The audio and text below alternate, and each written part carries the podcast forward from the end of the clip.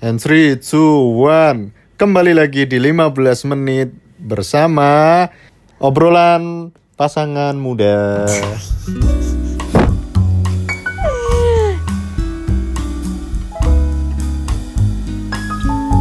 Ya ini kali pertama kita bikin podcast. Mudah-mudahan bermanfaat Uh, podcast ini membahas tentang 15 menit percakapan antara suami istri yang masih muda, relatif muda ya kan. Kita masih di usia 24-25 tahun.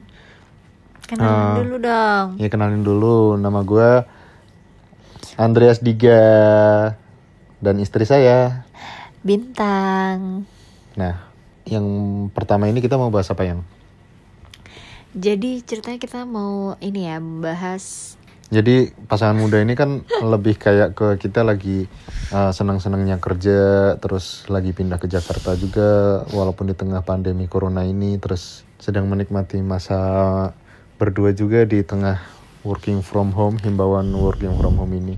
Mungkin kali ini kita akan bahas topik tentang uh, siapa aja sih yang mungkin bisa bertahan hidup dengan sangat-sangat stable di tengah corona ini.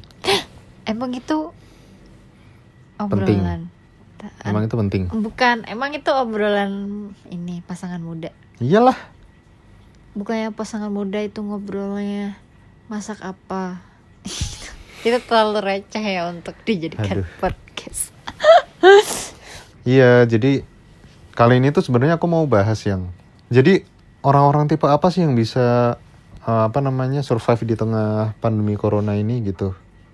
Menurutku ya, orang pertama kali yang bisa survive di tengah pandemi corona ini, corona ini adalah orang yang udah punya deposit tabungan miliaran di suatu bank BUMN maupun eh, swasta tapi yang udah stable kayak misalnya eh, BCA gitu-gitu ya.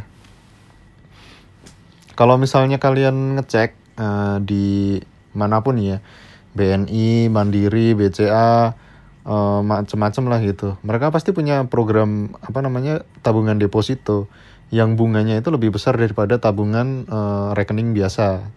Nah, eh, perbedaannya deposito yang dulu sama yang sekarang itu adalah deposito yang sekarang ini apa namanya udah banyak yang nggak pakai penalti. Jadi kalau misalnya duitnya kamu tanam terus kamu ambil di bulan depan misalnya, kamu nggak kena penalti, nggak kayak dulu, udah nggak semengikat itu. Keuntungan yang pertama itu. Terus yang kedua, masa tenornya itu bisa dipilih antara yang tiga bulan, enam bulan, 9 bulan, 12 bulan, Iya. macam-macam dan bunganya itu juga bervariasi. Ya saran saya juga sih karena udah nggak ada penalti ya udah pilih aja tenor yang memberikan bunga paling tinggi gitu. Nah Emang yang memberikan bunga paling tinggi itu yang paling pendek apa yang paling panjang? berbeda-beda tiap bank dan tiap bank tuh kayak punya kebijakan masing-masing gitu loh. Kenapa di tengah kon- pandemi corona ini mereka yang bisa survive? Sekarang bayangin ya, misal, misal nih, uh, gue kenal sama orang yang udah punya tabungan tiga setengah m gitu. Tuh, let's say taruh di bank dia dapat bunga sekitar eh, lima setengah persen per tahun, ya kan? Dengan adanya pajak penghasilan bunga, itu tuh dia bersihnya dapat 4,4 persen per tahun, ya kan? Nah, eh, sebenarnya bunga deposito ini bisa dialihkan ke rekening biasa maupun bisa ditanam di deposito di bulan selanjutnya. Dan sistemnya deposito sekarang itu udah kayak gajian gitu loh. Jadi tiap tanggal 10 atau berapa ya lupa aku. Tiap bulan itu ditransfer eh, bagi hasilnya gitu loh. Udah kayak gajian gitu. Maksudnya kalau ditransfer ke deposito bulan selanjutnya tuh jadi menambah pokok deposito kita. Iya, bisa kayak gitu atau bisa masuk eh, rekening bank kita. Nah sekarang bayangin kalau misalnya orang yang aku kenal tadi punya tabungan tiga setengah m gitu kan. Mm-mm. Coba kalian hitung deh pakai apa namanya kalkulator gitu. Pasti nanti kalian akan mendapatkan sekitar ya, sekitar ini sekitar tiap bulannya dia mendapatkan sekitar 13 something juta lah. Lu bayangin ya kan, sekarang ada berapa banyak fresh graduate atau pencari pekerjaan yang mati-matian nyari gaji aja nggak tembus 10 juta, ya kan? Sementara ini lo dengan duit segitu, lo bisa dapat angka 13 juta per bulan straight ya kan? Ber- Tanpa melakukan apa pun. Seriously doing nothing. Berarti yang bisa emang yang akan survive adalah orang kaya gitu ya. Misalnya dalam artian ada dua sih antara orang kaya atau orang yang udah lama kerja gitu. Jadi kayak anak-anak muda kayak kita tuh nggak bakalan survive gitu ya. Maksudnya, maksudnya tingkat survival rate-nya tidak setinggi orang dua orang yang tadi disebut. Kalau nggak kerja, kalau nggak kerja, dengan Hmm, catatan tapi kalau kan kalau kerja. kerja bisa ada resiko juga sih. Maksudnya berarti memang ya uh, Nah. survival rate-nya nggak sebesar orang yang tadi Nah, pertama gitu. Nah, tapi nah itu itu juga apa namanya? Itu juga dibantu dengan kondisi karantina yang ketat. Jangan sampai orang-orang yang udah berusia tadi ya kebetulan eh, kenalan saya tadi juga udah cukup berusia. Jangan sampai banyak aktivitas di luar. Kalau banyak aktivitas di luar terus kena eh, kan eh, mortality rate-nya tuh semakin tua kan semakin tinggi ya. Ya itu sama aja sih gitu ya sama bohong kalau misalnya lu kena gitu. Kita pun juga sama kalau lu kena juga sama aja gitu. Tapi kayaknya itu mesti dibedain sih. Maksudnya uh, kita tuh kayak apakah kita bisa membahas survival rate-nya itu dari kesehatan atau dari ekonomi? Oke, karena itu bakalan beda sih. Kalau beda misalnya sih. tadi yang disebutin kan berarti dari yang ekonomi gitu. Hmm, tapi hmm. ya agree sih. Tapi kalau BUMN emangnya nggak ini ya maksudnya nggak akan pernah paylit gitu ya sampai kapan pun Nah, eh, apa namanya? Mungkin emang beberapa ada yang udah tahu ya, ada beberapa bank yang emang bangkrut atau di merger jadi mandiri sekarang gitu ya. Cuman sekarang coba deh kalau kita track ke belakang, pasti udah pada nggak kenal banknya itu. Ya, empat bank yang udah nggak ada lagi di Indonesia yaitu yang pertama ada Bank Bumi Daya ya terus ada Bank Dagang Negara BDN tuh. Udah pada nggak kenal kan? Bang Exim pasti masih kenal dah. Exim enggak sih aku. ekspor impor Enggak enggak. sama Ya pernah denger. Pembangunan Indonesia. Ya kayaknya Exim masih sempat denger gitu. Iya. Terus iya. mereka di merger jadi Bank Mandiri di Hmm. tahun 98 Oh. gitu. Oh ya, saya masih tiga tahun, Bu. Iya ya, ya. saya juga masih empat tahun, maaf. gitu. Nah, terus selain yang empat itu, sebenarnya cuman ada dua bank yang oh aku sorry denger. sorry bukan bukan. Jadi mereka itu di merger Hmm. tahun 99 tapi Bank Mandiri itu sendiri itu tuh Udah berdiri? di- udah berdiri 98 jadi Oke. kayak satu tahun Mm-mm. kemudian dia kayak bergabung dengan bank lain gitu Hmm, iya, iya, mandiri iya, iya. itu tapi penasaran gak sih kayak kenapa harus mandiri yang dipilih untuk dimergerkan Ya itu, kenapa bukan nggak usah BNI, dibahas lah. BRI gitu Ya buset nggak usah dibahas ya. Itu- ya ibu anda kerja di BRI. Itu penting untuk dibahas Nah. kenapa harus mandiri Terus sebenarnya ada dua bank lain yang mungkin kita pernah dengar bermasalah ya. Yang pertama itu Bank Harapan Sentosa itu yang kabarnya mencuri uang rakyat. itu berarti Nggak tahu bukan juga sih. BUMN ya berarti Nggak tahu juga. ya itu bank-bank zaman Orde Baru lah itu. Terus satu lagi Bank Senturi ya udah pada tahu ya sekarang Bank Senturi juga udah ganti nama dan tetap ada pelanggannya juga, tetap ada nasabahnya juga. Tapi selain itu Bank BUMN aman lah buat disimpan deposit. Hmm. menurut gue sih kalau misalnya main aman banget ya lu punya duit let's say lah tadi tiga setengah m lu udah bisa dapet 13 juta koma tiap bulan. Nggak ngapa-ngapain ongkang-ongkang. Sekarang lu nyari apartemen gitu ya harga 5 juta per bulan. Lu masih punya 8 juta buat hidup. Hidup nggak? Hidup banget. Di bawah udah ada Indomaret udah ada apa namanya eh eh, supermarket kayak gitu misalnya ya. Misal yang apartemennya nyambung sama supermarket ataupun pasar kecil-kecilan yang keliling gitu ya. Lu hidup banget lah gitu. Hmm, iya sih.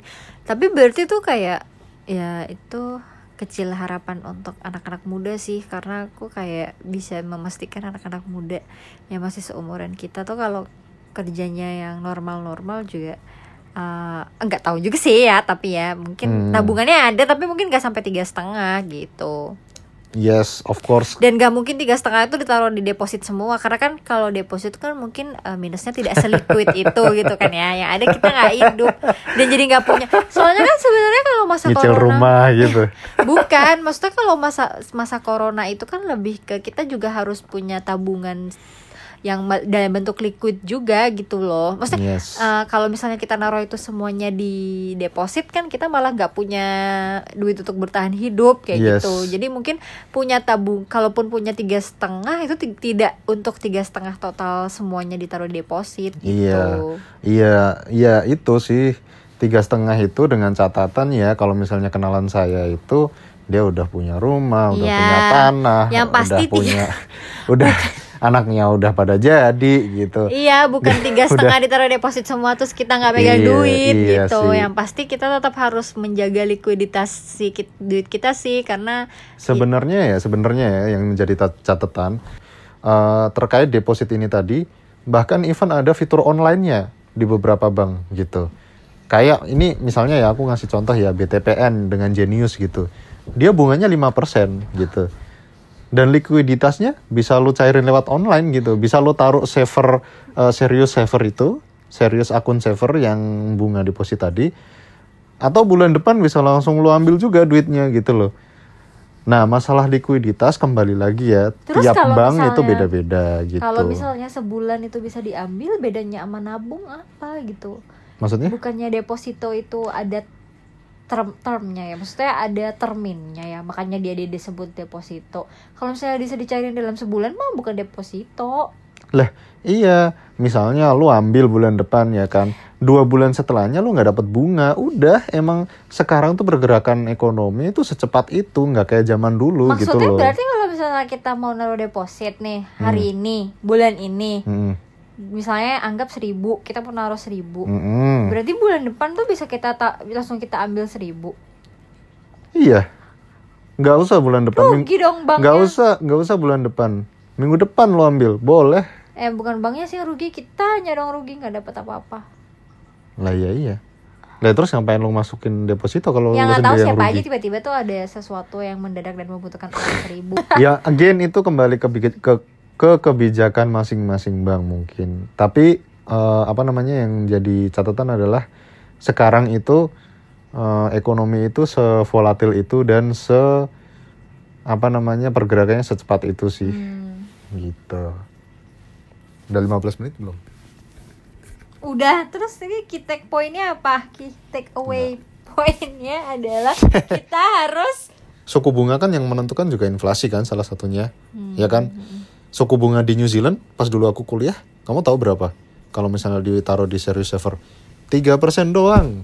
3% itu belum sama potongannya. Kecil banget kan?